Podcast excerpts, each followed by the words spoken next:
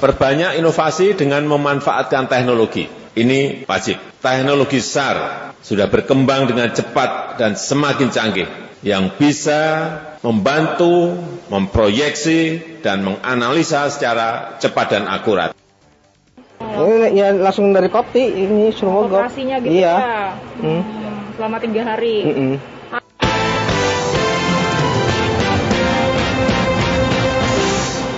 Sari berita, Presiden Jokowi meminta Basarnas berinovasi dan beradaptasi dengan kemajuan teknologi. Pengrajin tahu tempe di Jakarta mogok produksi. Intelijen Amerika Serikat menyebut Rusia siap menyerang Ukraina. Saudara inilah warta berita selengkapnya hari Senin tanggal 21 Februari 2022 bersama saya Sugandi Avandi. Dan saya Amira Arif.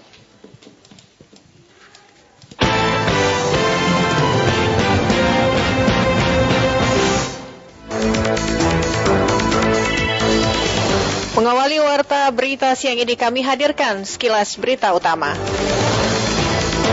Sekretaris Jenderal Majelis Ulama Indonesia Sulawesi Selatan Muammar Bakri mengatakan dalam ajaran Islam menimbun minyak goreng haram hukumnya karena mengakibatkan krisis. Presiden Joko Widodo resmi melantik Ari Prasetyo Adi menjadi Kepala Badan Pangan Nasional. Pelantikan dan pengambilan sumpah jabatan digelar di Istana Negara Jakarta pagi tadi. Menteri Agama Yakut Khalil Khawmas menerbitkan surat edaran nomor 5 tahun 2022 yang mengatur penggunaan pengeras suara di masjid dan musola. Salah satu yang diatur di antaranya suara yang disiarkan memenuhi persyaratan bagus atau tidak sumbang dan pelafasan secara baik dan benar.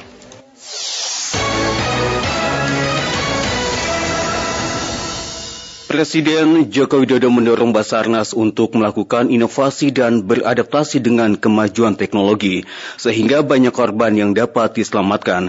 Penegasan itu disampaikan Kepala Negara dalam sambutannya secara virtual pada ulang tahun ke-50 Basarnas, seperti laporan Pradipta Rahadi berikut ini. Dengan mengucap Bismillahirrahmanirrahim, Badan Nasional Pencarian dan Pertolongan menyelenggarakan rapat kerja nasional sekaligus dalam rangka hari ulang tahun yang ke-50 pada hari ini. Rakernas dibuka langsung oleh Presiden Joko Widodo secara virtual dari Istana Negara Jakarta dengan didampingi Menko Bidang Pembangunan Manusia dan Kebudayaan Muhajir Effendi serta Sekretaris Kabinet Pramono Anung. Dalam kesempatan tersebut, Presiden Jokowi menginstruksikan kepada Badan Nasional Pencarian dan Pertolongan untuk memperbanyak inovasi dengan memanfaatkan teknologi Search and Rescue atau SAR yang sudah berkembang cepat dan canggih. Perbanyak inovasi dengan memanfaatkan teknologi. Ini wajib. Teknologi SAR sudah berkembang dengan cepat dan semakin canggih yang bisa membantu, memproyeksi,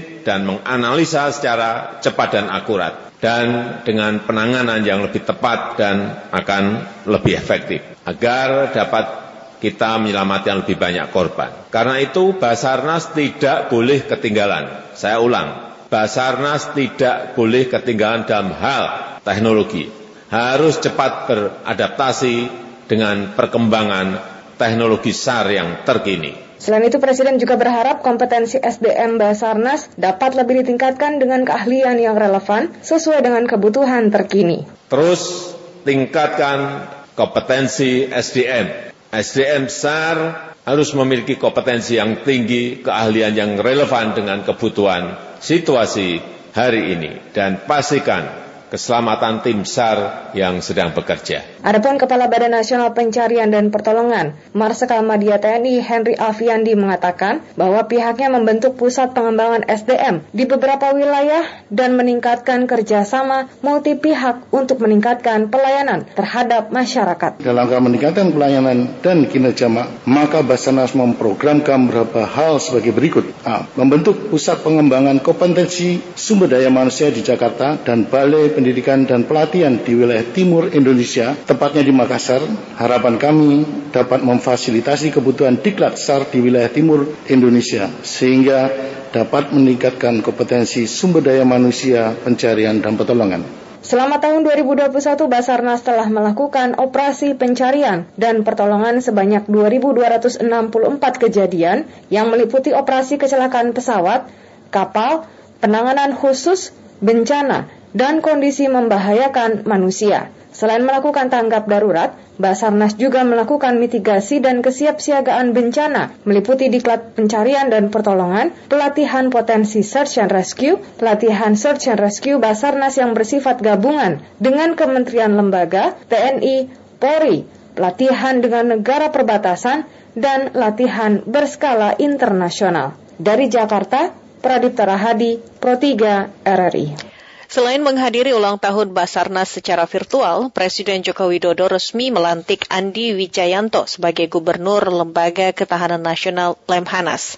Pelantikan dan pengambilan sumpah jabatan di Istana Negara Jakarta hari ini.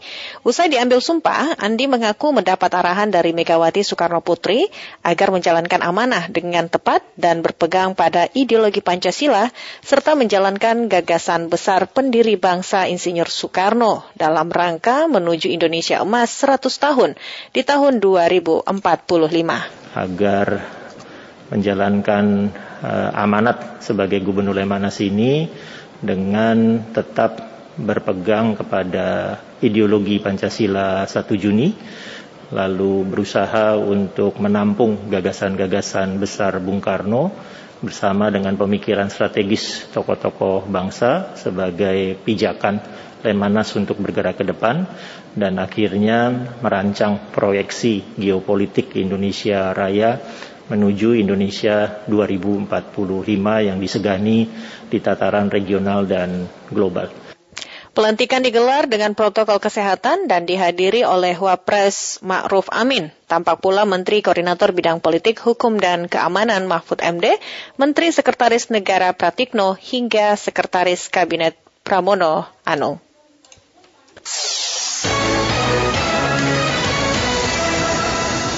Anda masih mendengarkan Warta Berita Radio Republik Indonesia. Perajin tahu dan tempe di Kuningan, Jakarta Selatan mogok berproduksi karena harga kedelai sebagai bahan baku yang mahal.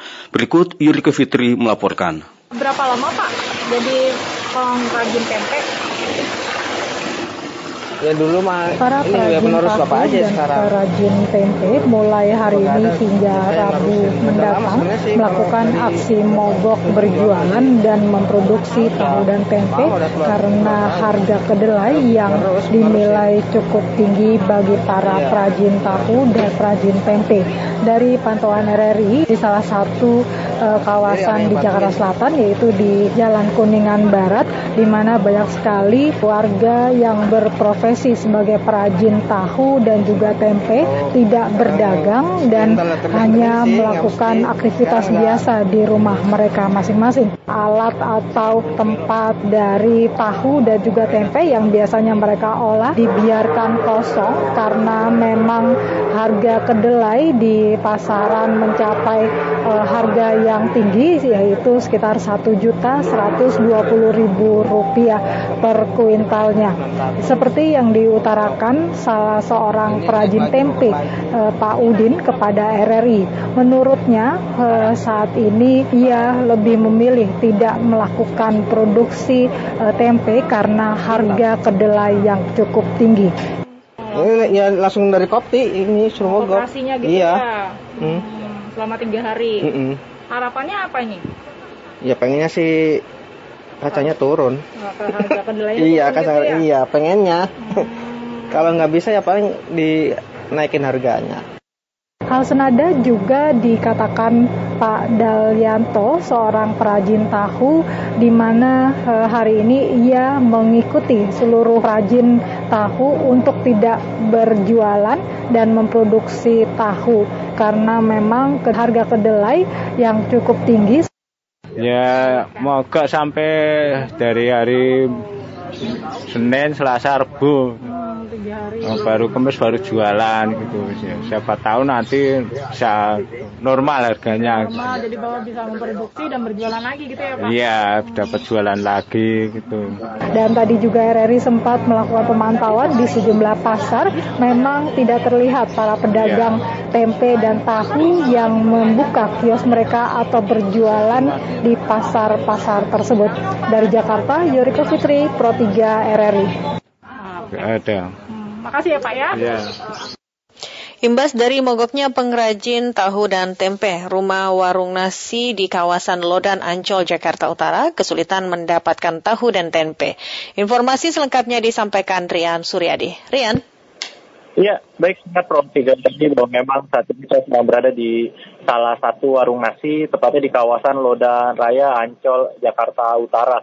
Dan diketahui benar bahwa pedagang dan tahu tempe sejumlah pasar kawasan Jakarta Utara ini memang mogok berjualan pada Senin hari ini dan itu imbasnya harga naik kedelai dan adanya mogok penjualan tahu tempe di pasaran membuat menu makanan tersebut tidak ada di warung nasi salah satunya di warung nasi milik Mas Priyatmoko di kawasan Jalan Lodan Raya dan saat ini pendengar saya sudah bersama dengan Mas Priyatmoko selamat siang Mas. Selamat siang Mas. Mas ini tadi saya perhatiin nggak ada menu tahu tempe itu apakah karena imbas harga naik atau pedagang pada mogok gimana? Uh, harga kemungkinan harga kedelainya naik jadi produksinya pada mogok dulu sementara katanya. Katanya sih begitu. Memang harga produksinya dia jadi nggak bisa uh, untuk nyari keuntungannya lagi kemungkinan agak susah mungkin ya. Harga jualnya ini kadang-kadang kan udah langganan harga sekian akan naik sekian orang-orang itu kan kadang protes gitu loh bang. Nah adanya imbas pedagang pada mogok sepi nggak sih mas saat ini warteg mas? Ya lumayan menurun sih omsetnya. Soalnya kan kita rata-rata kalau menu tahu tempe itu kan menu utama ya buat orang-orang Indonesia, terutama orang-orang ya pecinta tempe tahu itu rata-rata kan harus ada tempe gorengan atau tahu gorengan gitu. Rata-rata kan harus ada itu kalau makan. Kalau nggak ada itu menunya kayaknya jadi e, nafsu makannya beda mungkin ya. Nah terakhir Mas Moko, waktu ke pasar harganya seperti apa? Apakah normal atau naik mas? Harga sih uh, untuk ukuran yang kecilnya 5000 kalau yang untuk ukuran lebih gedenya sedikit 6000 rupiah per potongnya gitu. Oh, itu tapi mengalami kenaikan bagaimana? Mengalami kenaikan sedikit lah ya. Oke, okay. kalau itu terima kasih Mas. Ya, sama-sama Bang. Ya, Bung. Ya, itu tadi pendengar uh, salah satu pemilik warung di kawasan Jalan Lodan Raya dan di Kota Tengar bahwa aksi mogok jualan pedagang tahu dan tempe tersebut memang berlangsung selama tiga hari dan mulai hari ini sampai hari Rabu. Dan aksi ini sebagai imbas dari mogoknya pasokan tahu dan tempe dari pemasok sesuai surat edaran dan Pusat Kooperasi Produsen Tempe Tahu Indonesia atau Puskopti DKI Jakarta dan Kementerian Perdagangan pun menyebut harga kedelai pada minggu pertama Februari 2022 mencapai 11.240 per kilogramnya dan diprediksi akan naik kembali dalam waktu dekat. Sementara itu dulu laporan dari kawasan Jalan Lodan Raya Ancol Jakarta Utara Ren Suryadi Pro 3 RRI.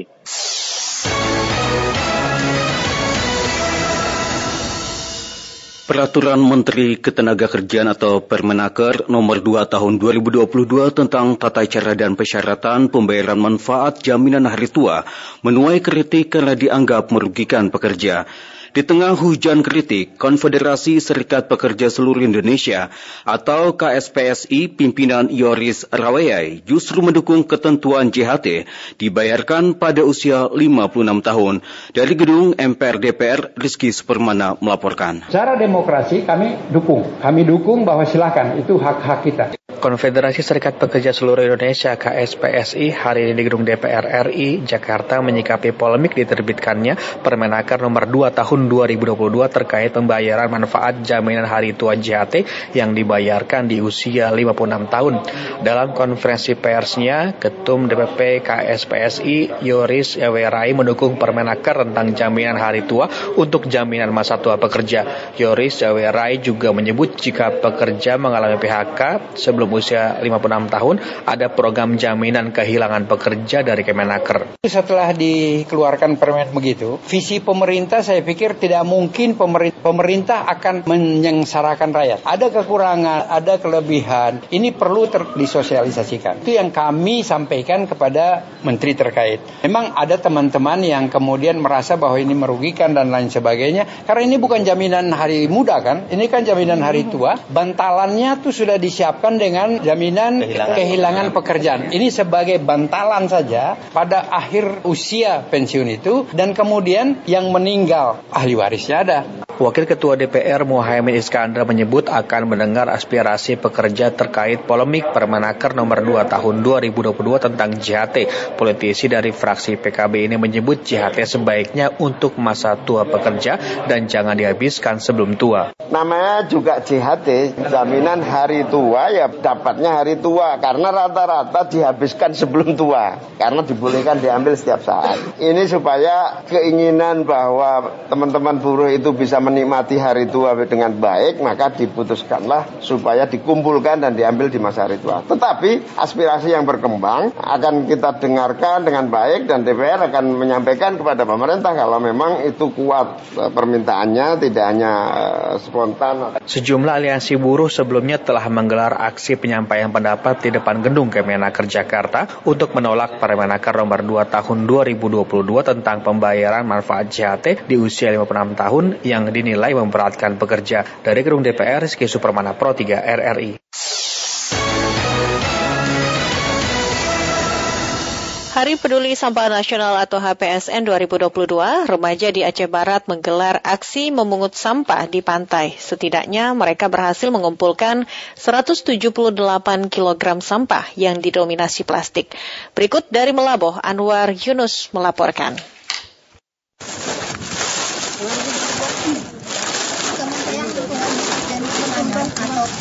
Sampah ini gimana nih? Fokus pada prioritas pengelolaan sampah dari hulu ke hilir untuk membantu mengurangi emisi gas rumah kaca. Sedikit mungkin dari kita masih teringat bahwa pemerintah telah memasang target Indonesia bebas sampah tahun 2025 mendatang. Hanya tersisa sekitar tiga tahun ke depan, sampah hingga kini masih menjadi masalah. Bahkan Indonesia masih disebut sebagai salah satu negara produsen sampah terbesar hingga mencapai 67 ton per tahunnya. Di Aceh Barat salah satu contohnya, perilaku masyarakat membuang sampah sembarangan masih begitu gencar, mengalahi upaya pembersihan. Bukan hanya di tempat umum, tetapi juga di lokasi objek wisata bahkan ke laut dan sungai sehingga mengotori pantai dan pencemaran lingkungan. Kalangan milenial di Kabupaten Aceh Barat minggu pagi berhasil mengumpulkan lebih dari 178 kg sampah plastik. Semua itu sampah masyarakat yang dibuang sembarangan. Kata Fajar Ketua Gerakan Peduli Lingkungan GPL Aceh Barat. Uh, ada beberapa jenis yang kita lihat, ada sampah plastik, ada sampah uh, kotak-kotak rokok, kemudian puntung rokok, uh, juga bungkusan makanan yang terdapat. Ini mungkin sekitar baru kita hitung ada sekitar 100 uh, lebih, 100 kilo lebih uh, yang kita kumpulkan. Jadi memang lebih dominan sampah plastik. Uh, lebih banyak uh, sampah plastik seperti cup-cup minuman uh, yang berisi minuman-minuman santai. Jadi setelah mereka minum, mereka meninggalkan di tempat. Nah, sisanya itu lebih ke bungkusan nasi, bungkusan bakso-bakso bakar, dan juga puntung-puntung rokok. Nah, jadi mungkin pengunjung banyak yang merokok, kemudian uh, puntung rokoknya dibuang ke pinggir pantai. Aksi tersebut dilakukan dalam rangka memperingati Hari Peduli Sampah Nasional tahun 2022 dengan mengangkat tema Bawa Pulang Sampahmu dan ini merupakan kegiatan tahun ketiga dilaksanakan.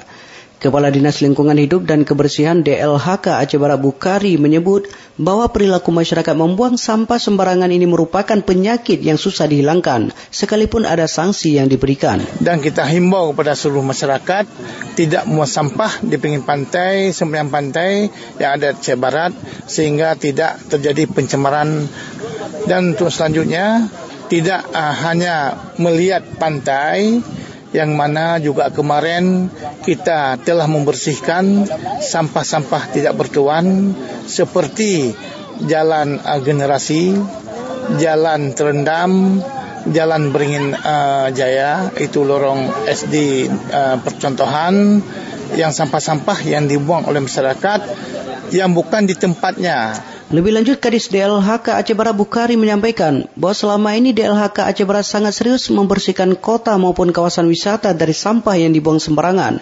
Meskipun sudah disediakan tempat-tempat pembuangan sampah, tetapi lebih dominan sampah bisa ditemukan di tempat umum yang dibuang sembarangan. Belum lagi dihitung sampah liar yang dibuang di pinggir jalan utama, bahkan ini masih menjadi salah satu penyebab banjir kota Melabu saat musim penghujan. Dan HPSN diperingati setiap tanggal 21 Februari. Reporter RRI Melabuhan Warinus melaporkan. Pemerintah Provinsi Bali didorong agar memiliki pengelolaan limbah medis secara mandiri, apalagi di masa pandemi COVID-19. Volume sampah medis terus meningkat. Berikut Dayu Friska melaporkan. Kalau menurut saya sih sangat perlu ada pengolahan limbah medis karena uh, sangat pengelolaan limbah medis menjadi persoalan serius yang harus ditangani dengan baik. Terlebih pada masa pandemi COVID-19 ini, volume sampah medis semakin meningkat terutama alat pelindung diri APD. Jika tidak ditangani dengan baik dikhawatirkan akan berdampak terhadap kondisi lingkungan. Direktur Rumah Sakit Umum Yedda, Dr. Iwayan Dodi Setiawan dikonfirmasi RRI mengatakan ada peningkatan volume limbah medis sejak peningkatan kasus COVID-19 di Pulau Dewata. Peningkatan limbah medis mencapai 100% dari sebelumnya 100 hingga 150 kg kini menjadi 300 hingga 400 kg per minggu didominasi baju APD dan makanan sisa pasien. Dalam penanganan limbah medis di RSU Nyidah belum dapat dikelola secara mandiri. Selama ini masih menggunakan jasa pihak ketiga yang dikirim ke Jawa Tengah. Sampah-sampah medis diangkut kurang lebih satu minggu sekali. Dr. Dodi mengaku masih menjadi persoalan dalam penanganan limbah medis adalah masalah harga. Harga pengangkutan mencapai Rp16.000 per kilogram, bahkan sebelumnya sempat mencapai Rp20.000 per kilogram. Melihat volume limbah medis yang semakin bertambah dan mahalnya biaya pengiriman, ia berharap Bali dapat membangun pengelolaan limbah medis secara mandiri. Selama ini kan kita kirim ke Jawa itu biaya transportasinya yang mahal. Kalau bisa di Bali otomatis pasti akan lebih murah lagi nanti per kilonya. Untuk uh, pengolahan itu pertama dari transport terutama pengolahan. Transportnya bisa lebih sering mungkin dia ngambil sehingga tidak sampai menumpuk di rumah sakit. Yang kedua dari segi biaya juga pasti akan jauh lebih murah kan karena uh, jaraknya yang kalau sudah ada di Bali. Deh. Sementara itu pengelolaan limbah medis di Kota Denpasar khususnya masker yang ada di masyarakat telah ditangani di tingkat desa. Kabit Pengelolaan Sampah dan Limbah B3 DLHK Kota Denpasar Iketut Adi Wiguna dikonfirmasi terpisah mengatakan sejak awal tahun 2022 ini pemerintah Kota Denpasar telah menyediakan drop box khusus limbah masker di masing-masing desa kelurahan. Limbah medis masyarakat dikumpulkan dalam drop box dan akan diangkut paling lambat seminggu sekali. Penanganan limbah um, um, dibantu tempat but yang berupa gerobak ah, gitu. Hmm. Apabila sudah penuh, nanti akan ditangani dijemput oleh DLHK untuk ditindaklanjuti untuk pemusnahan. Di sisi lain terkait penanganan limbah medis di tingkat rumah sakit, Wiguna mengatakan dikelola oleh masing-masing rumah sakit dengan menggunakan jasa pihak ketiga. Pemerintah hanya bertugas untuk melakukan pembinaan dan monitoring serta evaluasi. Diakui di Kota Denpasar, rumah sakit yang memiliki insinerator pengelolaan limbah medis adalah Rumah Sakit Wangaye. Pengelolaannya pun masih terbatas hanya di rumah sakit setempat dan beberapa puskesmas di kota Denpasar. Reporter RRI Denpasar, Dave Friska melaporkan.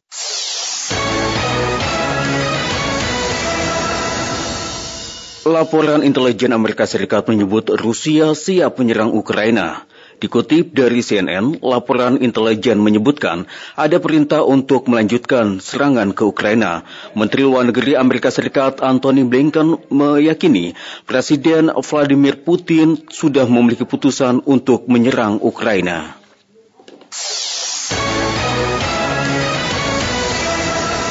Beralih ke berita olahraga, Persipura Jayapura akan memainkan pemain asing Yeven Bohasvili yang sebelumnya absen karena terpapar COVID-19. Yeven akan dimainkan saat laga melawan Madura United pada lanjutan Liga 1 Indonesia yang berlangsung di Bali. Berikut Naldi Kasulya melaporkan. Mutiara Hitam julukan Persipura Jayapura kembali harus berjuang keras melawan lawan berat Madura United di laga tunda pekan ke-22 kompetisi Liga 1 musim 2021-2022 di Stadion Iwayan Dipta Gianjar Bali Senin malam. Meski lawannya takkan mudah, anak asuh Angel Alfredo Vera tetap optimistis tim akan mendapatkan kemenangan setelah di laga sebelumnya melawan Persib Bandung tidak mendapatkan poin. Dalam laga tersebut, kemungkinan besar bakal menurunkan pemain asingnya Yeven Bokavili pasca absen akibat terpapar COVID-19. Hal itu disampaikan pelatih kepala Angel Alfredo Vera dalam siaran pers via daring. Kalau secara mungkin individu mereka sudah punya pemain-pemain um, pengalaman, sudah lama di tim. Secara tim kolektif, kuliah mereka lebih, lebih rapi kita lihat besok uh, bagaimana kita bisa berusaha untuk menang dan bisa dapat poin. Sementara pemain muda Persipura, Ramai Rumaikik, mengeluhkan persiapan tim yang sangat singkat. Namun mega bintang timnas Indonesia ini tetap berambisi dapat memenangkan laga demi tim keluar dari zona merah degradasi klasemen sementara. Kami otomatis pengen balik kondisi kami, mungkin kemarin pertandingannya cukup cukup mepet dengan jadi mungkin kami untuk sendiri untuk butuh waktu istirahat dan kami istirahat dengan baik. Persipura Jayapura sendiri masih menyisakan 9 laga sisa untuk keluar dari zona degradasi, salah satunya melawan Madura United yang harus mendapatkan kemenangan. Pasalnya Fernando Pahabol dan kolega masih berada di peringkat ke-16 dengan perolehan 22 poin. Nalik Solia melaporkan. Kita beralih ke berita olahraga lainnya. Ketua Umum PBSI Agung Firman Sampurna menilai regenerasi pebulu tangkis putri berjalan dengan baik dan berada pada jalur yang tepat. Seperti dilansir dari kantor Berita Antara, menurut Agung, regenerasi putri terlihat dengan menjadi juara di kejuaraan bergu bulu tangkis Asia 2022 dengan mengalahkan Korea Selatan. Bahkan capaian ini menjadi sejarah baru Indonesia karena untuk pertama kalinya tim putri Indonesia bisa masuk final dan langsung juara dengan mengalahkan unggulan.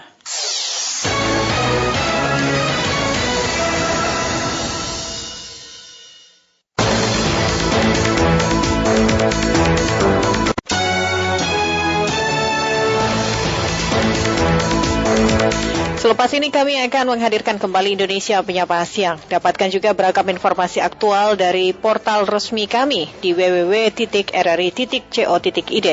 Serta ikuti media sosial terverifikasi kami di Instagram dan Twitter at RRI Programa 3. Saya Amir Arif. Dan saya Sugandi Avandi. Selamat siang.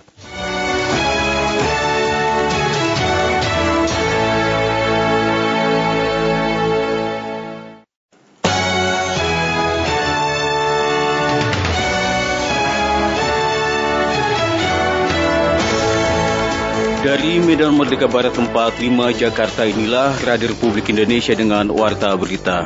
Dari 2.484 pasien yang meninggal, 73 persen, saya ulangi 73 persen di antaranya belum vaksinasi dosis lengkap. Dan 53 persen lansia dan 46 persen penyakit penyerta atau komorbid. Minyak goreng lagi kosong, saran kada di mana-mana kalau belajar murah minyak ya turun. Tapi ternyata minyaknya yang kosong ada Sari berita, kasus kematian COVID-19 Omikron mayoritas karena belum divaksin lengkap, lansia dan komorbid diabetes. Hubungan Rusia-Ukraina memanas, gelombang pengungsian terus meningkat. Warga Kalimantan Selatan kesulitan mendapatkan minyak goreng. Inilah warta berita selengkapnya Senin 21 Februari 2022 bersama saya Rudi Zain dan saya Sugandi Avandi.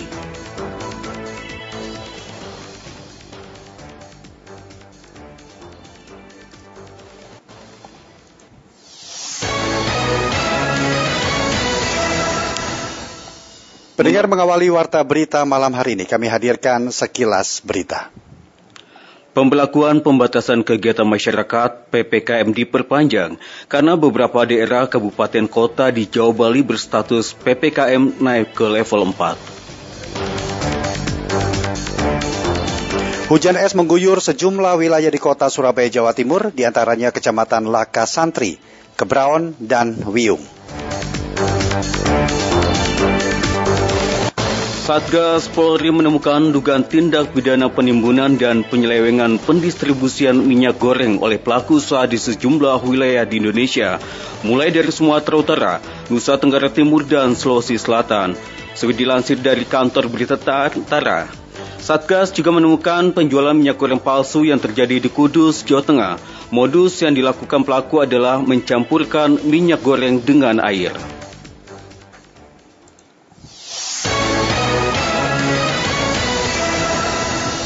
Menteri Koordinator Bidang Kemaritiman dan Investasi Luhut Binsar Panjaitan mengungkapkan mayoritas kasus kematian COVID-19 varian Omikron terjadi pada pasien yang belum vaksin, lansia, dan memiliki penyakit bawaan atau komorbid, terutama diabetes mellitus. Hal itu disampaikan Menteri Luhut dalam keterangan pers secara virtual seperti dilaporkan oleh Tegar Hanif berikut ini. Pertama hari ini saya menyampaikan bahwa perkembangan kasus Omikron Indonesia masih terkendali. Meskipun penambahan kasus sudah melebihi tren Delta, Namun Menteri Koordinator Bidang Kemaritiman dan Investasi Luhut Binsar Panjaitan mengungkapkan, berdasarkan data yang dihimpun hingga hari ini, jumlah pasien COVID-19 yang meninggal mencapai 2.484 orang. Dari jumlah tersebut, 73 persen di antaranya belum menerima vaksinasi dosis lengkap. Hal itu ia sampaikan dalam konferensi pers usai rapat terbatas bersama Presiden Joko Widodo hari ini mengenai PPKM. Berdasarkan data yang kami himpun hari ini, dari 2.484 pasien yang meninggal, 73 persen, saya ulangi 73 persen di antaranya belum vaksinasi dosis lengkap, dan 53 persen lansia, dan 46 persen penyakit penyerta atau komorbid. Pasien komorbid tersebut rata-rata meninggal lima hari sejak masuk ke dalam rumah sakit, di mana komorbid terbanyak adalah diabetes mellitus. Oleh karena itu saya ingatkan kepada teman-teman saudara-saudara kita yang punya komorbid dan khususnya diabetes mellitus, bila sampai kena segera menuju rumah sakit. Jangan tunggu sampai berlanjut. Karena itu dari data kami menunjukkan rata-rata yang meninggal itu adalah teman-teman yang memiliki komorbid dan khususnya diabetes mellitus dan sudah terlambat datang ke rumah sakit dan belum divaksin. Dalam ratas hari ini, Presiden meminta agar risiko kematian terhadap lansia yang belum divaksin dan memiliki komorbid untuk dapat ditekan semaksimal mungkin dengan penanganan yang baik. Untuk itu, pemerintah akan segera melakukan langkah-langkah mitigasi dari alahan Presiden tersebut.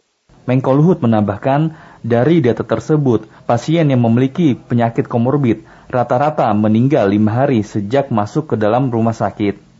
Dalam kesempatan yang sama, Menteri Kesehatan Budi Gunadi Sadikin mengatakan kasus COVID-19 di Jawa Bali saat ini sudah mengalami tren penurunan. Meski mengalami penurunan, ia menyebut kasus COVID-19 bergerak naik dan meningkat di luar Jawa dan Bali. Dan kami juga sudah melihat karena proporsinya Jawa Bali sudah menurun sehingga di luar Jawa Bali naik sehingga yang tadinya perbandingannya 97 persen Jawa Bali 3 persen, luar Jawa Bali sekarang sudah jadi 72-28 persen, sehingga akan terjadi pergeseran ke sana. Menkes Budi pun menjelaskan, puncak kematian varian Omikron diperkirakan akan terjadi 15 hingga 20 hari setelah puncak kasus terjadi. Dari Jakarta, Tegar Hanif, Pro melaporkan.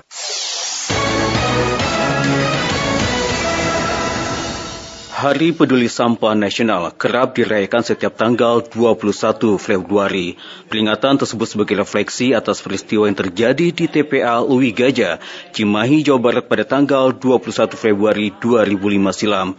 Dalam longsor sampah itu, sebanyak 157 orang meninggal dunia tertimbun sampah. Berikut Fitra Maria melaporkan.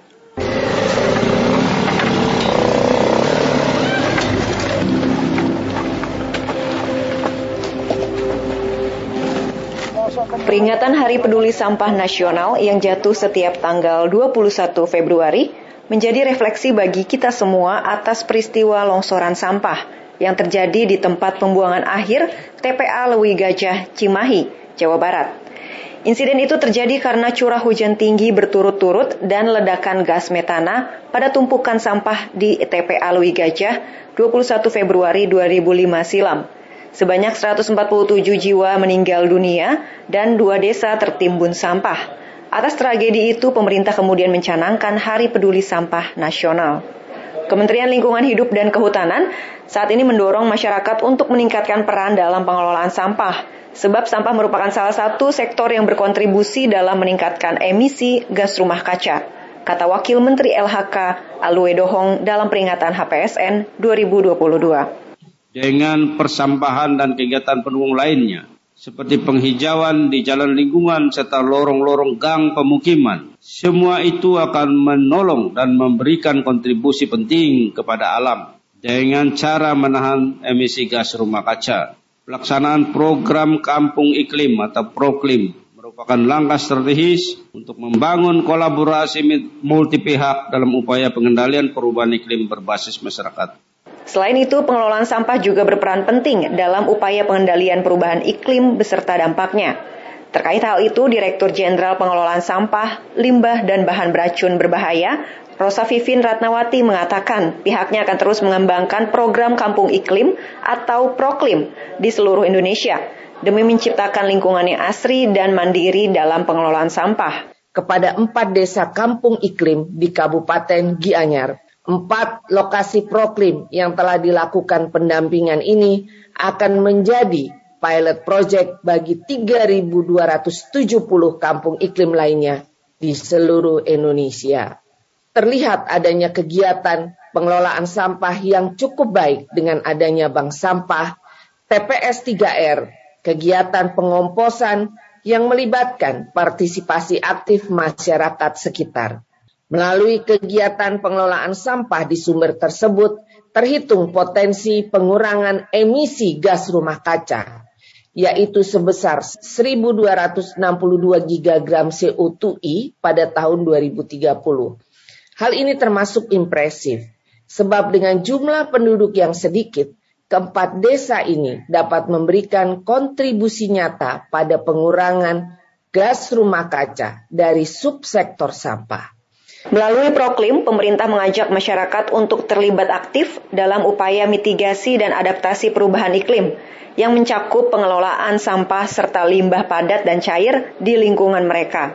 Berdasarkan laporan nasional geografik, masing-masing kota di dunia setidaknya menghasilkan sampah hingga 1,3 miliar ton setiap tahun. Dan diperkirakan pada tahun 2025, jumlah tersebut akan bertambah hingga 2,2 miliar ton. Dari Jakarta, Fitra Maria Pro 3, RRI. Bupati Sleman, Kustini Sri Purnomo, mengajak ibu-ibu untuk mengelola sampah rumah tangga sehingga tidak mencemari lingkungan. Mengelola sampah akan menambah nilai ekonomi. Dari Yogyakarta, Wahyu Suryo melaporkan. Sebetulnya yang mempunyai sampah banyak itu ibu-ibu. Ibu-ibu itu nanti perlu digerakkan Pak Lurah, Pak Newu. Dalam suatu kesempatan bertemu dengan warga Sardono Harjo Ngaglik Sleman, Bupati Gustini Sri Purnomo melontarkan kritikan bagi ibu-ibu yang enggan mengelola sampah hasil aktivitas rumah tangga Padahal jika dikelola dengan benar, sampah kata Bupati memiliki nilai lebih. Sampai plastiknya yang tipis itu bisa untuk konblok. Kemarin saya datang ke Turi. Sehingga plastik yang bekas, yang paling jelek itu bisa dimanfaatkan jadi konblok. Konbloknya itu dengan semen tidak kalah. Kemarin kita geblok saat lama-lamanya itu tidak apa-apa yang yang semen langsung pecah. Ini hanya contoh seperti itu. Tapi memang dikelola dan menghasilkan. Sedangkan founder Project B Indonesia Hijrah Purnama Putra mengajak masyarakat yang konsen ke aktivitas daur ulang sampah untuk memetakan konsumen. Saat kita buat produk daur ulang, buat tas, buat dompet, buat pot, gitu ya, kita pernah bertanya tidak, siapa sih sebenarnya konsumen kita? Siapa yang butuh produk kita? Nah, ini menjadi menarik. Yang sering kita lupa untuk bertanya. Ya nggak apa-apa lah, yang penting buat aja dulu. Nanti belakangan pikirin siapa konsumen kita. Oke juga sih, nggak apa-apa. Tapi Jangan salah nanti kalau ada pertanyaan, kok nggak laku ya? Mengenali siapa saja konsumen produk daur ulang sampah kata hijrah sangat bermanfaat untuk pemasaran barang yang dibuat sehingga tidak ada lagi produk daur ulang yang menumpuk di gudang. Anda masih mendengarkan Warta Berita Radio Republik Indonesia. Warga Kalimantan Selatan kesulitan mendapatkan minyak goreng. Para pedagang di pasar tradisional mengaku belum menerima suplai minyak dari agen. Dari kota Banjarmasin, Aulia Rahman melaporkan. Di mana-mana kalau murah minyak ya turun, tapi ternyata minyak... Warga Kalimantan Selatan hingga saat ini masih kesulitan mendapatkan minyak goreng murah seperti yang dijanjikan oleh pemerintah. Memasuki pekan ketiga sejak diumumkannya minyak goreng satu harga, peredaran minyak goreng di pasar tradisional tidak berjalan lancar. Bahkan para pedagang eceran sembako mengaku belum mendapatkan pasokan dari sales. Minyak goreng hanya disuplai ke pedagang-pedagang besar, sementara pengecer harus membeli untuk dijual kembali dengan harga 14.000 dan terpaksa menjual dengan harga yang lebih tinggi. Seperti halnya Dani dan juga Latifah, para pedagang sembako. Yang premium kita jual di harga 18, 20 barangnya kelangkaan barangnya ini kan misalkan kayak ulun kada dapat toko ganal kan dapat hmm. ya kalau ya ibaratnya toko ganal sudah mengunjungi londuhan ulun hmm. parak kurang lebih 14 harganya dan hmm. ulun kan mungkin menjual harga dengan 14 ribu nah otomatis kan ulun 15 ribu tapi untuk sekarang minyak ejar juga tanda ejar seorang untuk minyak sorangan. Kan otomatis langganan buhan ulun kada dapat juga. Sulitnya mendapatkan minyak goreng dampaknya juga dirasakan para pemilik warung makan seperti halnya Pia. Yang mengaku sudah berkeliling tetapi tidak juga mendapatkan minyak goreng murah. Minyak goreng lagi kosong. Saran kada domeng. Di mana-mana kada jar murah minyak jar turun. Tapi ternyata minyaknya yang kosong kada Stok minyak goreng yang mengalami kekosongan di pasaran juga dinilai sangat merugikan para pedagang eceran sembako. Para pedagang mengaku mulai kehilangan pelanggan karena tidak dapat menjual minyak goreng dengan harga yang sudah ditetapkan oleh pemerintah. Pendengar Polres Jakarta Utara memeriksa sembilan orang saksi dalam kasus dugaan penipuan pembelian minyak goreng di Koja oleh seorang wanita berinisial DA. Total kerugian yang dialami oleh puluhan ibu-ibu menjadi korban penipuan mencapai 1,5 miliar rupiah. Dari Koja Jakarta Utara, Rian Suryadi melaporkan.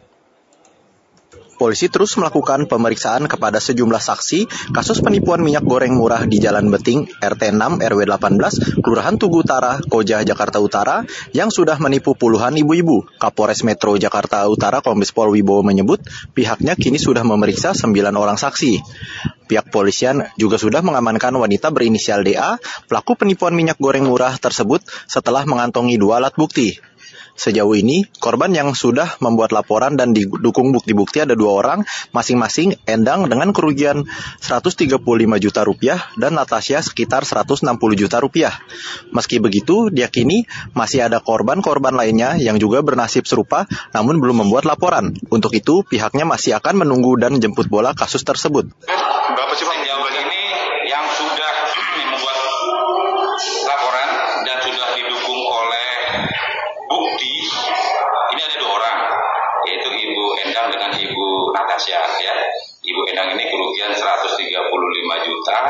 Kemudian Bu Endang ini 160 juta plus minus ya. Nah, ini juga masih ada korban-korban lainnya. Wibowo juga menerangkan total para korban penipuan minyak goreng tersebut mencapai 1,5 miliar rupiah. Modus yang dilakukan terduga pelaku yakni dengan menginformasikan jual minyak goreng murah via status sosial media.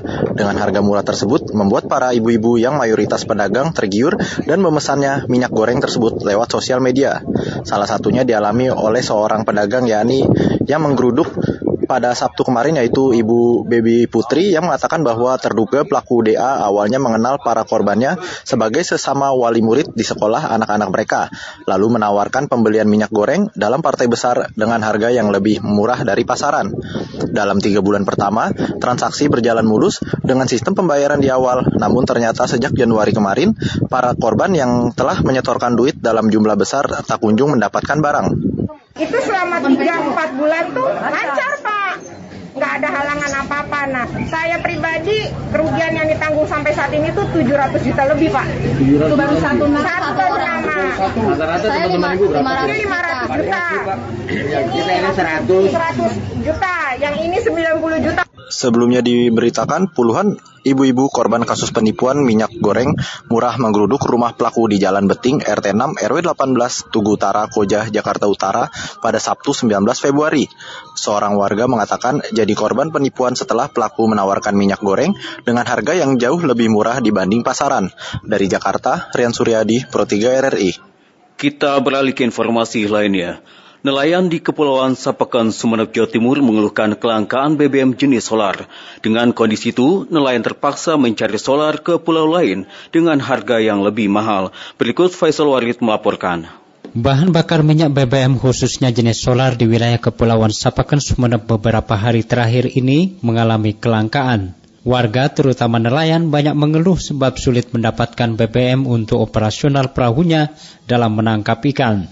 Bacu salah seorang nelayan asal Pulau Sapakan menuturkan sejak Jumat 18 Februari kemarin pihaknya kesulitan mendapatkan BBM solar. Bahkan stok di agen premium minyak dan solar APMS di Sapakan habis. Pihaknya harus mencari BBM ke pulau lain demi bisa melaut walaupun dengan harga mahal. Dari yang biasanya di kisaran Rp6.000 hingga Rp6.500 per liter menjadi Rp7.500 per liter. Namun sebagian nelayan terpaksa memilih tidak melaut dengan memarkir perahunya di pinggir pantai. BBM khususnya di APMS sudah habis katanya. Solar khususnya. Jumat itu saya beli ke POM anak buah saya katanya habis. Ya katanya setiap pulau itu Pak ada penyalur dari setiap desa itu ada ada penyalurnya di setiap desa Pak. Saya dapatnya dari pulau sebelah juga Pak dengan harga 7.500. Ya saya bisa berangkat. Sementara itu pengelola APMS 566946 Sepekan Ardi mengungkapkan kelangkaan solar di wilayahnya karena pengiriman dari Pertamina di bulan ini tidak lancar akibat kapal tanker pengangkut BBM rusak. Dalam sebulan pagu solar yang diterima biasanya 152 ton, namun hingga memasuki akhir bulan ini baru 40 ton kita kan per bulannya kan 152 ton. Sedangkan ini kita baru dapat 40 ton. Sekarang kan sudah tanggal 21. Seandainya pengiriman lancar dari Pertamina yang mungkin tidak ada kelangkaan. Biasanya kita kalau pertengahan bulan ini kan kita sudah nerima sampai 100 ton. Ya kita mendesak ke pihak Pertamina biar pengiriman cepat dilaksanakan seperti itu. Maksudnya mungkin satu dua hari ini tanker akan masih lagi di Pulau Sapakan. Sedangkan soal harga lanjut Ardi, Pihaknya menjamin untuk wilayah Sapekan harga eceran tertinggi masih Rp6.500 per liter. Kemudian di pulau lain karena masih ada biaya transportasi tertinggi ditetapkan Rp7.000 per liter. Ardi meminta konsumen melapor jika ada sub penyalur yang menjual di atas harga eceran tertinggi tersebut. Komisi Pemberantasan Korupsi KPK melantik 55 jaksa baru usai dinyatakan lolos uji kompetensi. KPK menyampaikan apresiasi kepada Kejaksaan Agung yang memberikan jaksa terbaik. Berikut kami hadirkan laporan Hairul Umam. Mengangkat 55 pegawai Komisi Pemberantasan Korupsi yang nama-namanya tercantum dalam lampiran keputusan ini penuntut umum pada Komisi Pemberantasan Korupsi. Komisi Pemberantasan Korupsi telah melantik 55 jaksa baru pada hari ini. Mereka semua dilantik usai lolos uji kompetensi pada pegawai Komisi Pemberantasan Korupsi. Ketua KPK Firly Bahuri menyampaikan harapannya agar 55 jaksa tersebut yang telah bergabung dengan KPK dapat menjalankan tugasnya dengan visi misi lembaga anti rasuah itu sendiri.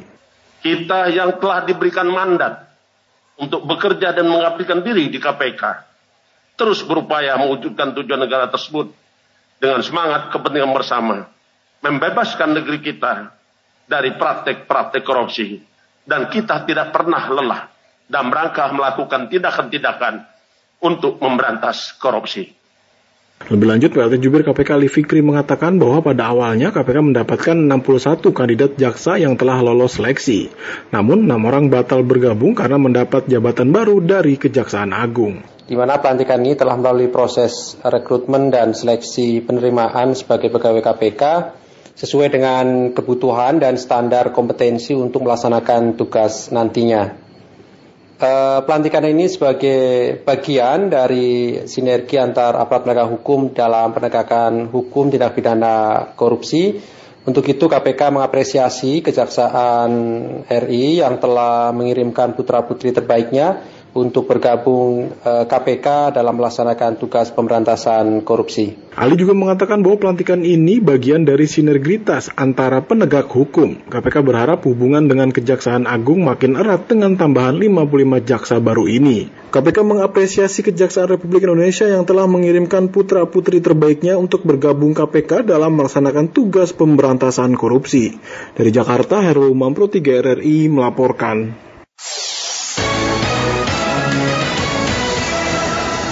Berita mancanegara, Presiden Rusia Vladimir Putin meminta Kementerian Kedaruratan untuk memberikan bantuan kepada pengungsi di wilayah Rostov, Rusia.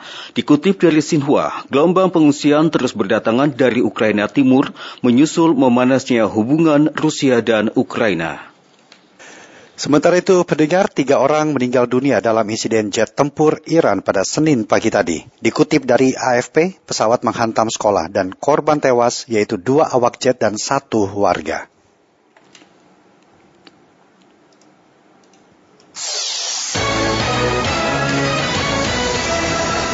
Kita beralih ke berita olahraga.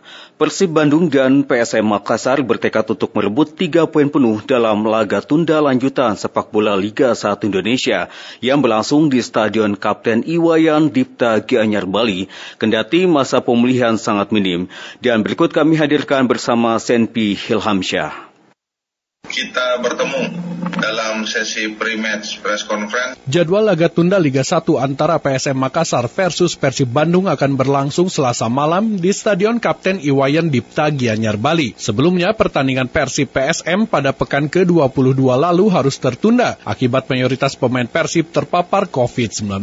Dalam keterangan persnya siang tadi, pelatih Persib Robert Rene Albert mengaku Supardi dan kawan-kawan terkendala dengan waktu pemulihan yang sangat pendek, sehingga menurut Robert ia harus memaksimalkan waktu persiapan yang ada demi meraih kemenangan. Kemarin kita sudah melakukan recovery, tentunya kita juga melihat kondisi bagaimana pemain hari ini. Seperti yang pelatih dari PSM bilang, bahwa mereka juga punya waktu yang sedikit untuk persiapan melawan Persib. Sama halnya seperti Persib ketika akan melakukan pertandingan dengan Persipura. Kita punya waktu yang sedikit sedikit sama dengan PSM tapi ya itu kita juga coba memaksimalkan atau berusaha memanage uh, semuanya untuk persiapan lawan besok. Di sisi lain, Robert mewaspadai kekuatan dan motivasi mantan timnya PSM Makassar saat berhadapan dengan Persib. Namun Robert enggan terlalu memikirkan performa lawan yang sedang dalam tren negatif dengan menelan kekalahan di tiga laga terakhir dan memilih fokus membangkitkan penampilan dan daya juang pasukannya. Sedangkan dari kubu lawan, pemain PSM Makassar yakni Rizky Eka menegaskan timnya sama sekali tak gentar menghadapi Maung Bandung. Meski PSM juga mempunyai masa recovery yang minim, dikatakan Rizky Eka pemain tetap siap berjuang berjuang untuk menumbangkan sang lawan. Kami para pemain selalu siap, siapa pun lawan yang kami hadapi besok, kami selalu optimis dan apa tim pelatih yang telah berikan instruksi kepada kami, semoga kami bisa mengaplikasikan besok di pertandingan melawan Persib. Rizky Eka pun tak menampik mental bermain tim Joko Eja sedang kurang bagus karena hasil minor yang didapat dari tiga partai terakhir. Namun hal itu tetap tak akan menyurutkan target PSM Makassar untuk merebut kemenangan. Sementara itu dari lima pertemuan terakhir kedua tim, baik PSM maupun Persib sama-sama saling mengalahkan dengan mencatatkan masing-masing dua kemenangan, sedangkan satu laga lagi berakhir imbang. Dari Bandung, Senpil Amsa melaporkan. Pendengar kompetisi Liga Bola Basket Indonesia atau IBL 2022 kembali bergulir di Hall Basket Gelora Bung Karno, Jakarta pada 3 sampai dengan 31 Maret 2022. IBL sempat dihentikan karena kasus COVID-19.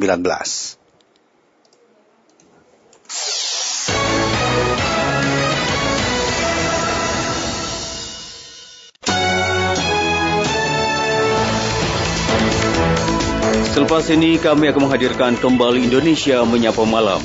Dapatkan juga beragam informasi aktual dari situs resmi kami rri.co.id serta ikuti media sosial terverifikasi kami di Instagram dan Twitter at RRI Programa 3. Saya Sugandi Avandi. Saya Rudi Zain. Selamat, Selamat malam. malam.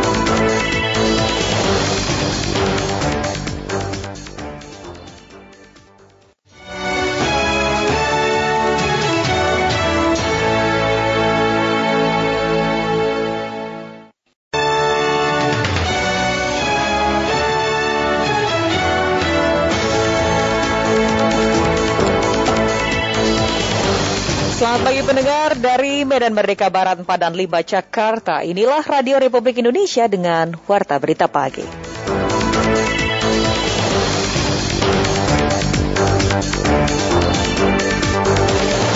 Kondisi tetap, cuman sekarang dayanya udah mulai mengurang nih. Akibat kita udah mulai kecilin, ya pembeli juga agak komplain segera lakukan sidak ke distributor-distributor besar sebagai pemain minyak goreng ini.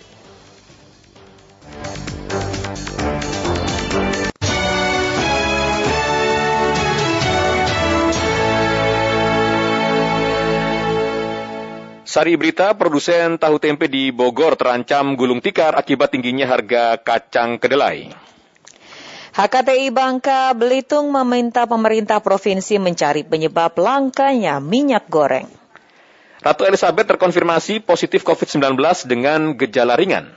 Inilah warta berita selengkapnya untuk hari Senin 21 Februari 2022 bersama saya Risti Rustarto. Dan saya Arif Pribadi.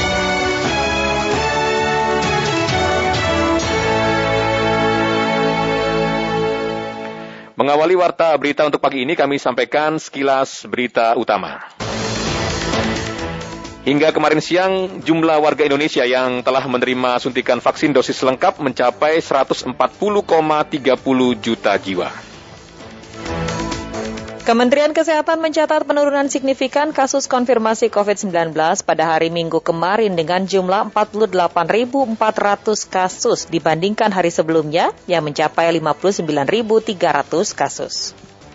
Anggota Komisi 9 DPR Alia Mustika Ilham meminta pemerintah meninjau ulang Peraturan Menteri Tenaga Kerja Nomor 2 Tahun 2022 tentang tata cara dan persyaratan pembayaran manfaat jaminan hari tua atau JHT karena dianggapnya cacat logika dan tidak adil sehingga memunculkan kegaduhan.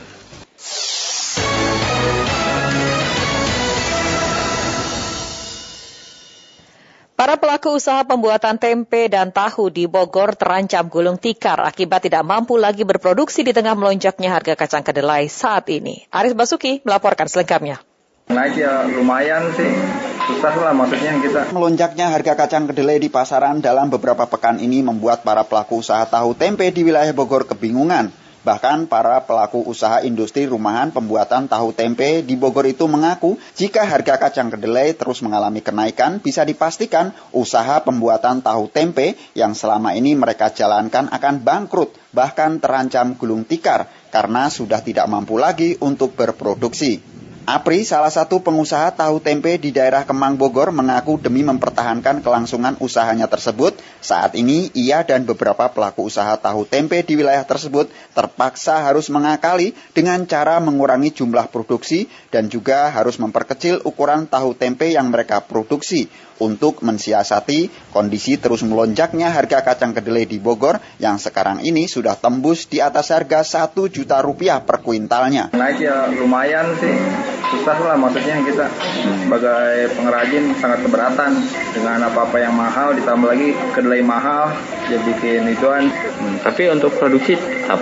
Produksi sih tetap, cuman sekarang dayanya udah mulai mengurang nih. Akibat kita udah mulai kecilin, ya pembeli juga agak komplain, kok hmm. kecil ini. Tapi untuk harga jual tetap? Harga tet jual tetap karena ngikutin yang lainnya. Kalau kita naikin sendiri nggak boleh bisa, soalnya yang lain masih jual dengan harga standar. Melonjaknya harga kedelai di pasaran dalam beberapa pekan terakhir ini ternyata juga mulai berimbas kepada para konsumen tahu tempe di wilayah Bogor yang mulai mengeluhkan mulai sulitnya mendapatkan tahu tempe di pasaran. Bahkan kata Ibu Desi, salah satu ibu rumah tangga di Bogor mengaku jika masih ada tahu tempe yang dijual pedagang keliling di daerahnya, saat ini ukurannya selain diperkecil, harganya pun juga terus naik. Jadinya um, bingung harganya makin tinggi aja kan tiap hari harus masaknya tempe.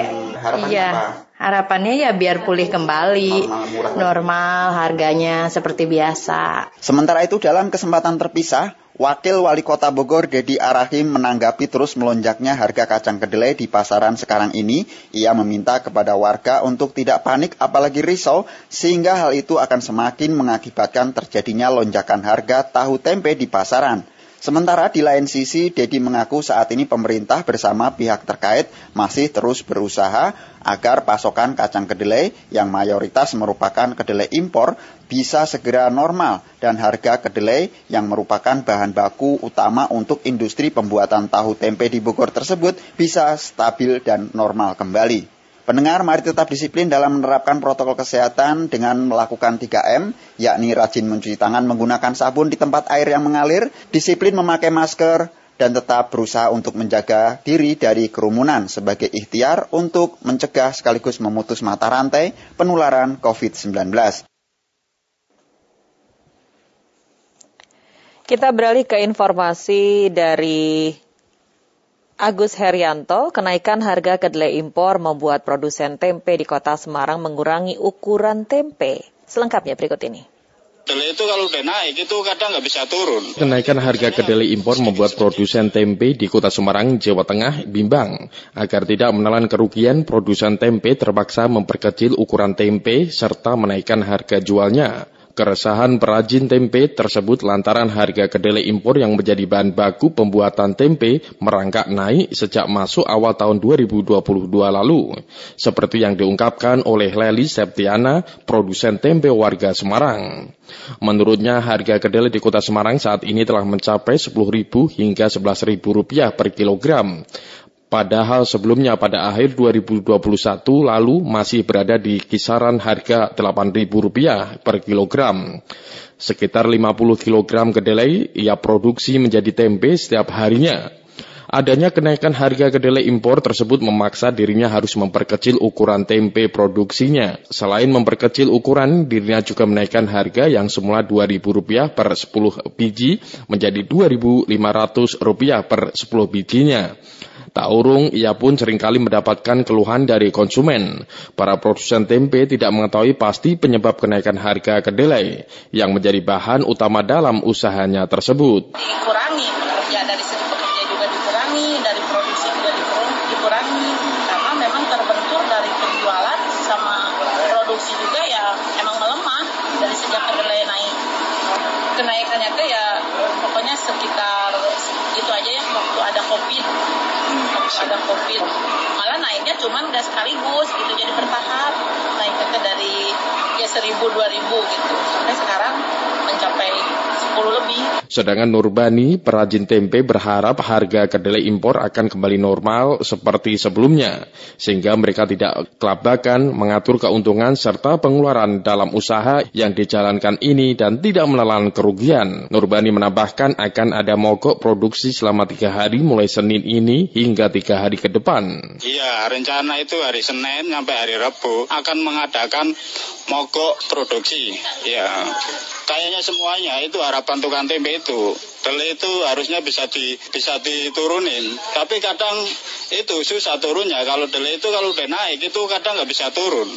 Akhirnya sebisa-bisanya jualan tempe, bisanya ya sedikit-sedikit ngecil ngecilin tempe itu sendiri. Sementara itu dari pantauan di pasar di beberapa kota Semarang bahwa harga tempe dan tahu mengalami kenaikan yang semula Rp3.000 menjadi Rp3.500 untuk tempe.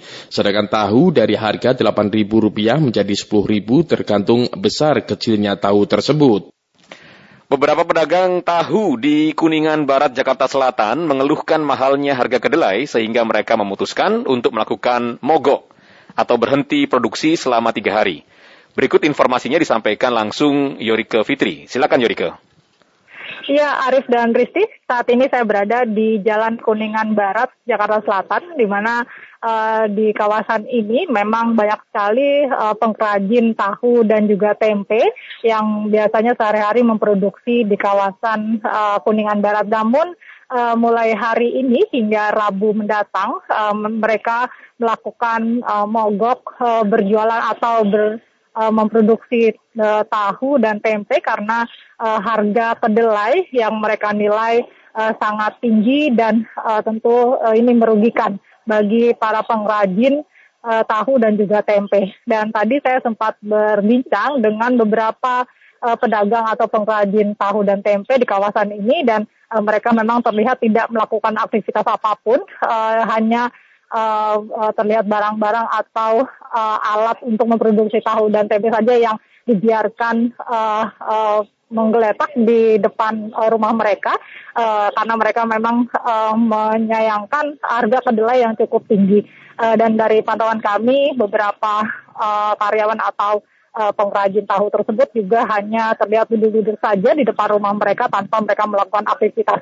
Sementara uh, untuk uh, pengrajin tempe sendiri tadi uh, memang beberapa orang saya sempat temui mereka juga sangat berharap agar pemerintah segera menurunkan harga kedelai yang uh, saat ini melonjak uh, tajam sehingga mereka memutuskan untuk melakukan mogok hingga Rabu mendatang.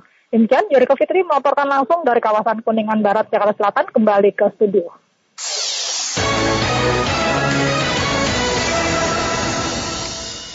Terima kasih Anda masih mendengarkan Warta Berita Produksi Radio Republik Indonesia. Himpunan Kerukunan Tani Indonesia Bangka Belitung meminta Dinas Perindustrian dan Perdagangan Provinsi Kepulauan Bangka Belitung melakukan sidak ke distributor untuk mencari penyebab langkanya minyak goreng selama beberapa waktu terakhir. Dari Sungai Liat, Wanda Sona Alhamid melaporkan selengkapnya. Hal ini harus cepat ditangani oleh pemerintah daerah. Harus dibuatkan tim khusus. DPD HKTI Bangka Belitung minta Dinas Perindustrian dan Perdagangan di Kepulauan Bangka Belitung bentuk tim khusus untuk menangani kelangkaan dan melonjaknya harga minyak goreng. Hal itu disampaikan Sekretaris DPD HKTI Bangka Belitung Jauhari menyikapi temuan kelangkaan minyak goreng di tingkat distributor dari hasil sidak yang dilakukan pihaknya. Hal ini harus cepat ditangani pemerintah daerah. Harus dibuatkan tim khusus. Segera lakukan sidak ke distributor-distributor besar sebagai pemain minyak goreng ini. Selain itu, Jauhari juga menyayangkan kelangkaan minyak goreng harus dirasakan masyarakat Bangka Belitung, mengingat Provinsi Babel juga salah satu daerah penyumbang CPO di Indonesia. Bangka Belitung walaupun kecil termasuk penyumbang CPO karena perkebunan kelapa sawit itu kurang lebih yang dikelola oleh perusahaan ada 170 ribu hektar, pabrik pengolahan kelapa sawit ada 14, mungkin ada penambahan, ada kebun masyarakat kurang lebih 90 ribu hektar dan yang belum terdata ini di kawasan hutan. Sementara itu, Kepala Dinas Perindustrian dan Perdagangan Provinsi Kepulauan Bangka Belitung Tarmin AB dikonfirmasi RRI membantah adanya ulah oknum distributor yang nakal. Menurutnya, kelangkaan terjadi karena pasokan ke tingkat pengecer yang memang belum merata. Tidak ada. Untuk apa nakal? Ya kan ditentukan harganya oleh pemerintah. Stok cukup. Kalau itu kecukupan kebutuhan kebutuhan masyarakat di Babel kurang, termasuk di daerah Sungai Liat. Memang ada beberapa toko-toko itu kehabisan. Pemerintah prioritaskan retail-retail modern lebih banyak dijangkau oleh masyarakat. Itu pertimbangannya. Secara finansial lebih cepat perputarannya. Untuk mengatasi persoalan minyak goreng ini, Pemprov Kepulauan Bangka Belitung telah melakukan pertemuan dengan para distributor dan retail modern membahas kebijakan penyamarataan harga jual eceran tertinggi dan stok yang ada. Pendengar permasalahan distribusi hingga perbedaan mekanisme pasar disebut menjadi beberapa alasan masih langkanya minyak goreng di pasaran. Informasi tersebut kami hadirkan dalam sesi laporan khusus Pro 3 berikut ini. Laporan khusus di mana-mana udah nggak ada minyak, di Indomaret, Alfamart nggak ada. Susah cari sekarang. Sejak awal Februari lalu, pemerintah telah menentukan harga eceran tertinggi atau HET untuk minyak goreng kemasan sebesar Rp14.000 per liter. Kebijakan ini kemudian disusul dengan penentuan HET untuk minyak goreng curah sebesar Rp11.500 per liter. Sayangnya hingga saat ini minyak goreng masih sulit dicari, baik di pasar tradisional maupun retail modern. Bahkan ditemukan adanya penimbunan stok minyak goreng seperti yang terjadi di Kabupaten Deli Serdang, Sumatera Utara beberapa hari lalu. Kabit Humas Polda Sumatera Utara Kombes Pol Hadi Wahyu di dalam keterangannya menyebut, penemuan ini terjadi usai pihak yang melakukan monitoring bersama Satgas Pangan Sumatera Utara. Iya itu kan Polda yang menangani Polda. Itu Polda dengan Satgas Pangan yang menangani. Sudah, nanti hari Senin diundang untuk klarifikasi itu pemilik gudang itu. Yang melakukan monitoring itu Polda. Polda kemarin itu melakukan monitoring terhadap bahan pokok penting yaitu minyak goreng terhadap beberapa gudang. Nah, dari beberapa gudang itu ada salah satu gudang yang menyimpan minyak goreng dalam jumlah yang besar. Itu yang sedang kita dalami. Kita masih belum tahu jumlah keseluruhannya ya. Terkait kelangkaan ini, Ketua Umum Asosiasi Pedagang Pasar Seluruh Indonesia Abdullah Mansuri kepada RRI menyatakan, kelangkaan stok minyak goreng berawal dari jumlah produksi yang terbatas dan kemudian mempengaruhi distribusi di pasar. Produksinya juga terbatas, uh, distribusinya apalagi kalau produksinya terbatas, otomatis distribusi juga akan sulit. Jadi dua faktor itu yang membuat uh, pasar kehilangan stok uh, minyak goreng ya. Nah, saat ini kan Kementerian Perdagangan menyerahkan distribusi itu kepada beberapa BUMN ya. Ada RNI, ada beberapa uh, anak perusahaan BUMN yang ditugaskan untuk mendistribusikan minyak goreng itu sampai ke pasar-pasar. Lebih lanjut Mansuri menjelaskan, selain produksi yang terbatas, perbedaan mekanisme pasar modern dan pasar tradisional juga memiliki peran dalam sulitnya masyarakat menemukan minyak goreng. Nah, persoalannya adalah mekanisme pasar tradisional dan retail modern itu agak berbeda. Kalau mekanisme pasar tradisional itu bisa sama dengan di retail modern. Kalau di retail modern, dia bisa bank. Kalau pasar tradisional kan nggak bisa. Sedangkan pabrik itu harus dibayar dulu untuk stoknya bisa keluar. Nah, pasar tradisional nggak mungkin bisa membayar, mendorong kalau patungan ngambil barang dulu itu agak sulit.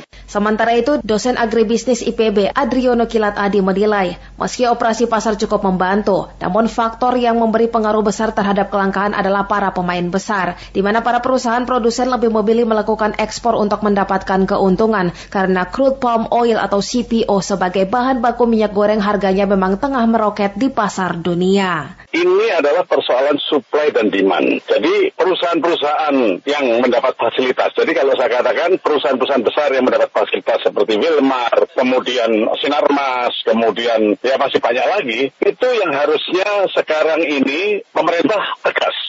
Sekarang bagaimanapun juga rakyat itu sangat memerlukan minyak goreng. Jadi kalau kita lihat bahwa yang namanya minyak goreng ini adalah kebutuhan pokok. Jadi seperti yang tadi saya katakan, untuk supply dan demand yang tidak normal seperti seperti sekarang ini. Karena apa? Karena kita tahu pangkal utama itu adalah naiknya harga atau minyak atau CPO ya di pasar internasional. Sehingga akibatnya apa? Yang namanya uh, perusahaan-perusahaan besar tadi itu lebih senang mengekspor karena tentu saja mendapatkan margin yang lebih besar. Harga rata-rata CPO pada kuartal ketiga di tahun 2021 adalah MYR 4.808 per ton. Jika dikonversi menjadi kilogram, maka harga CPO menjadi 16.356 rupiah per kilogram dengan asumsi 1 MYR setara Rp3.400. Dengan kata lain harga bahan baku CPO untuk membuat minyak goreng adalah Rp16.356 per kilogram atau setara 84,31 persen dari harga minyak goreng jika diasumsikan harga minyak goreng mencapai Rp19.400 per kilogram. Dari Jakarta, Nia Abduliti Loli, Pro 3 RRI. Meski pemerintah telah menetapkan harga eceran tertinggi atau HET bagi minyak goreng kemasan sejak awal tahun Februari awal bulan Februari lalu. Namun ternyata kelangkaan masih terjadi bahkan terungkap belakangan adanya kasus dugaan penimbunan di balik langkanya minyak goreng. Berikut tanggapan masyarakat mengenai hal ini. Nama saya Randy dari Lebak Bulus, Jakarta Selatan. Uh, menurut saya, pemerintah melalui lembaga-lembaga terkait harus lebih serius menangani permasalahan minyak goreng ini. Kalau memang harus sidak, ya sidak saja. Bila perlu dilakukan uh, serentak di seluruh Indonesia. Nama saya Yusuf asal Ambon. Ya kalau menurut saya jangan hanya melakukan sidak ke pasar. Sebenarnya Ketika ada kelangkaan barang di pasar, salah satu pihak perlu diselidiki adalah distributornya. Jangan-jangan memang ada penimbunan.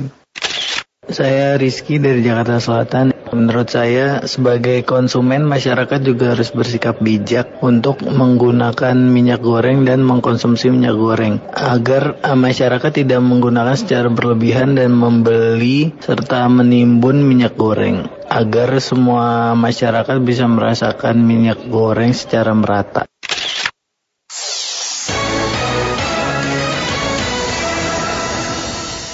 Saudara masih adanya problematika terkait dengan minyak goreng di Indonesia meski pemerintah telah menetapkan harga eceran tertinggi atau HET untuk komoditi minyak goreng. Kami akan hadirkan dalam sesi komentar pagi ini disusun oleh Eliani Ratnaningsih dan selengkapnya dibacakan Tomo Hakim.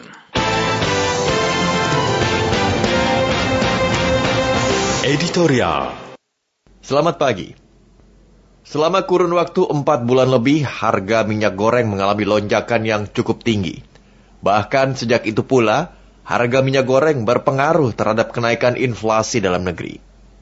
Namun sejak akhir Januari lalu, pemerintah akhirnya mengambil sikap dengan menggelontorkan uang 3,6 triliun rupiah guna mensubsidi penyediaan minyak goreng murah dengan harga Rp14.000 per liter. Meski hampir satu bulan pemerintah telah berupaya turun tangan, namun belakangan minyak goreng murah itu masih sangat sulit didapatkan, bahkan memunculkan permasalahan baru. Di sejumlah retail modern, rak yang berisi minyak goreng hampir dipastikan sering kali kosong. Pun demikian, di pasar tradisional dan warung kelontong, yang kalaupun ada stoknya, harganya tidak sama dengan yang telah ditetapkan pemerintah. Belakangan, dugaan penimbunan oleh sejumlah pihak yang menyebabkan stok minyak goreng menjadi langka mulai terkuak. Pada Jumat 18 Februari lalu, tim Satgas Pangan Sumatera Utara menemukan tumpukan minyak goreng sebanyak 1,1 juta kilogram di sebuah gudang di Deli Serdang. Jumlah ini sendiri dapat memenuhi kebutuhan 6 hingga 10 persen konsumsi minyak goreng di Provinsi Sumatera Utara. Adalah PT Salim Ivomas Pratama atau SIMP, anak usaha PT Indofood Sukses Makmur TBK, selaku pemilik minyak goreng tersebut, memberi klarifikasi bahwa stok minyak goreng yang menumpuk di gudangnya itu bukanlah untuk tujuan penimbunan, melainkan sudah siap didistribusikan. Terlepas dari apa pun alasannya, temuan Satgas Pangan Sumatera Utara itu harus segera diusut, mengingat temuan ini didapati di tengah kondisi masyarakat yang sedang kesulitan mendapatkan minyak goreng karena langka di pasaran. Jika terbukti ada praktek penimbunan, maka harus ada sanksi tegas yang memberikan efek jerah agar pihak lain yang memiliki niat serupa menjadi urung melakukannya. Program minyak goreng harga murah yang diluncurkan pemerintah hendaknya juga dikawal serius oleh aparat penegak hukum. Pasalnya ada sejumlah pihak yang memanfaatkan kondisi langkanya stok di pasaran dengan menyediakan minyak goreng palsu, seperti yang ditemukan di Kudus, Jawa Tengah. Aksi curang ini menyebabkan seorang pedagang kerupuk membeli minyak goreng palsu mencapai 357 kg dengan total kerugian mencapai 5,89 juta rupiah. Dari kasus ini kita belajar bagaimana masyarakat harus lebih selektif dalam membeli minyak goreng dan disarankan membeli di toko yang terpercaya. Kelangkaan minyak goreng yang menyebabkan harganya masih di atas HET pemerintah juga menjadi keresahan masyarakat. Untuk itu, diharapkan pemerintah dapat mengatur tata niaga minyak goreng menjadi lebih efektif sehingga kelangkaan minyak goreng segera teratasi. Apalagi menjelang bulan puasa nanti, di mana masyarakat banyak membutuhkan minyak goreng. Hendaknya pemerintah juga segera mengambil tindakan tegas dan nyata untuk mengantisipasi agar kelangkaan stok minyak goreng tidak berkepanjangan di masyarakat. Sekian komentar.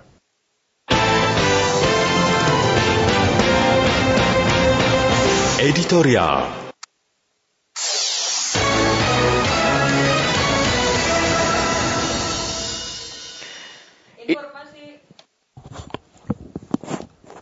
Informasi dari luar negeri, Istana Buckingham Inggris kemarin menyampaikan kabar jika Ratu Elizabeth terkonfirmasi positif COVID-19 dengan gejala ringan. Istana Buckingham juga menyebutkan bahwa Ratu yang saat ini berusia 95 tahun harus mendapatkan perawatan kesehatan serta mengikuti pedoman yang ditetapkan.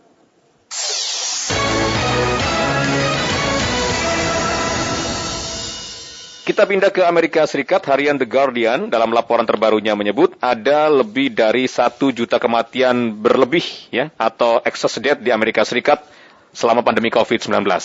Dan melansir data dari Pusat Pengendalian serta Pencegahan Penyakit atau CDC Amerika Serikat, sedikitnya 923 ribu warga Amerika Serikat meninggal akibat COVID-19.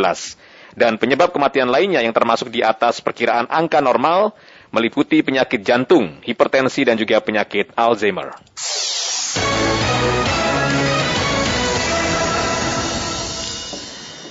Beralih ke informasi dari dunia olahraga, Barcelona berhasil mengalahkan Valencia dengan skor telak 4-1 dalam pertandingan di Stadion Mestalla semalam. Dua gol bagi Al Barca berhasil dicetak oleh Pierre Emilek Aubameyang yang juga dua gol lainnya dicetak oleh Frankie de Jong serta Pedri. Sedangkan satu gol Valencia dihasilkan oleh Carlos Soler. Kemenangan ini membuat Barcelona menempati posisi 4 klasemen sementara La Liga dengan 42 poin dari 24 laga. Sementara Valencia berada di urutan ke-12 dengan 30 poin dari 25 laga.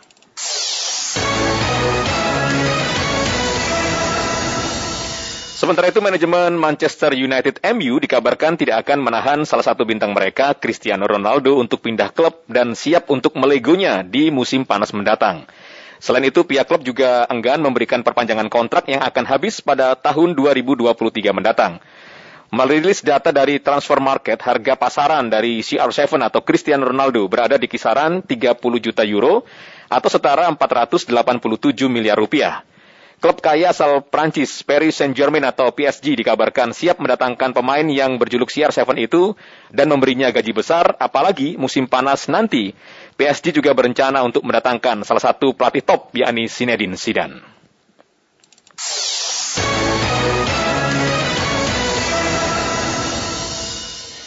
Sementara informasi dari dalam negeri, yakni tahun ini pemerintah Provinsi Jawa Barat akan fokus mengembangkan konsep wisata alam tanpa merusak alam. Menurut Kepala Dinas Pariwisata dan Kebudayaan Provinsi Jawa Barat, Beni Bahtiar, pengembangan wisata alam sama sekali tidak boleh merusak ataupun mengubah alam namun harus memiliki nilai lebih. Ia mencontohkan dengan wisata di perkebunan teh yang tidak diperbolehkan mengubah landscape kebun tehnya, namun diperbolehkan untuk membuat skywalk dari kayu, lalu mengubah sudut pandang sehingga dapat menjadi instagramable atau menarik minat pengunjung untuk berfoto di sana.